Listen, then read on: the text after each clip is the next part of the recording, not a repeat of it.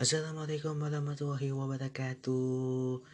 Salam sejahtera bagi kita semua. Om Swastiastu, Namo Buddhaya, Salam Kebajikan Ya, kita sudah ada di tahun baru 2022 Dengan semangat baru dan harapan baru. Semoga uh, podcast kita ini akan semakin melejit ke atas Dan supaya berharap 10 besar di podcast kita kali ini ya Selamat datang di podcast berbagi cerita Tyler season baru di tahun yang baru. Bersama aku Mereka Putra dan Tyler King yang mengudara setiap hari Senin, Rabu, dan Jumat di Spotify. Dan terima kasih buat sahabat Tyler yang follow akun Spotify dan juga bunyikan loncengnya. Berhubung ini adalah tahun baru Kita akan ngobrolin tentang tradisi tahun baru di Korea Selatan. Nah, pasti pergantian tahun itu kan selalu menjadi momen meriah yang dinantikan oleh banyak orang ya setiap negara bisa biasanya tuh e, memiliki tradisi tersendiri dalam menyambut datangnya tahun baru. Nah, negara negeri, ginseng atau Korea Selatan misalnya selain e, melihat kembang api, warganya pun juga mempunyai kebiasaan melihat matahari terbit. Nah, ini adalah berikut beberapa tradisi menyambut tahun baru di Korea Selatan. Kita mulai tradisi Korea Selatan yang pertama. Bunyi lonceng Bosinga Bell Pavilion. Nah, pergantian tahun baru Oke. Pergantian tahun di negara ini uh, ditandai dengan dimunyikannya lonceng besar yang terletak di Posingga Bell Faliton yang terletak di Jonoguseo. Nah, gedung ini dibangun di era dinasti Joseon tahun 1392 sampai 1910.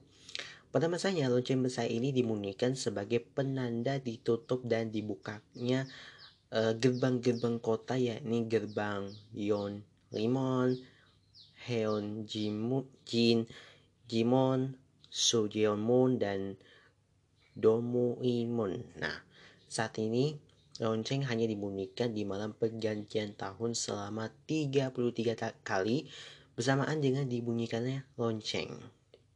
Nah, peluncuran kembang api akan dilangsungkan di lokasi tersebut. Kedua, melihat kembang api. Ya, seperti banyak negara lainnya ya, Korea Selatan ini juga merayakan tahun baru dengan menyalakan kembang api untuk menandai pergantian tahun.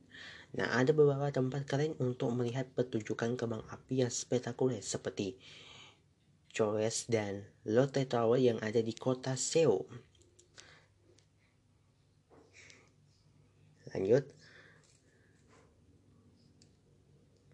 Oke. Okay. Nah, nomor tiga ini. Ini yang paling unik banget. Ini adalah melihat matahari terbit. Nah, tradisi melihat matahari terbit saat pergantian tahun berasal dari kepercayaan orang Korea dalam berdoa memohon kesehatan dan rezeki di tahun baru. Nah, ada tempat khusus yang sering didatangi masyarakat Korea Selatan untuk melihat matahari terbit, yakni Jon Don-in, kota Gangneon yang berjarak 4 jam dari pusat kota Seoul. Destinasi lain untuk melihat matahari terbit adalah Yonsan Ichubron yang terletak di Pulau Jeju. Tradisi menangkap ikan di es. Nah, liburan tahun baru di Korea Selatan dimanfaatkan banyak pihak untuk menggelar berbagai macam festival musim dingin yang di mana peti yang dapat dinikmati pengunjung dari berbagai belahan dunia. Nah, salah satu festival yang ditunggu-tunggu saat tahun baru tiba adalah Hawachion Senior Festival yang diadakan di kota Hawon, Ganwoo-do. Nah, pengunjung festival dapat merasakan serunya memancing ikan dengan tangan kosong di sungai yang membeku serta menikmati kuliner khas daerah tersebut. Yang terakhir nih, naik gunung.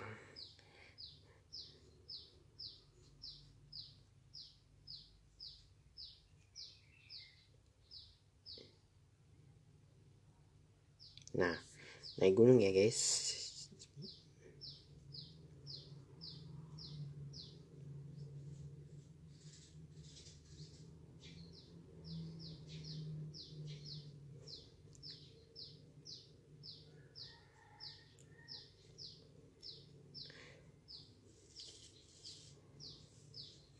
Dari banyak festival musim dingin yang dilaksanakan di Korea Selatan, festival salju di Gunung Tabe Baek ini merupakan salah satu yang paling populer. Banyak kegiatan yang dapat dilakukan di festival ini, mungkin mulai dari trekking hingga membuat pahat, pahat, pahatan salju. Nah, banyak orang juga yang naik gunung untuk menikmati pemandangan alam sebagai bentuk perayaan tahun baru. Oke, ini tadi tradisi tahun baru di Korea Selatan. Gimana unik kan? Nah, berhubung kita menunjung di tahun baru ini, saya berharap di season terbaru ada banyak sekali cerita pengalaman yang saya akan bagikan. Terus juga cerita horor dan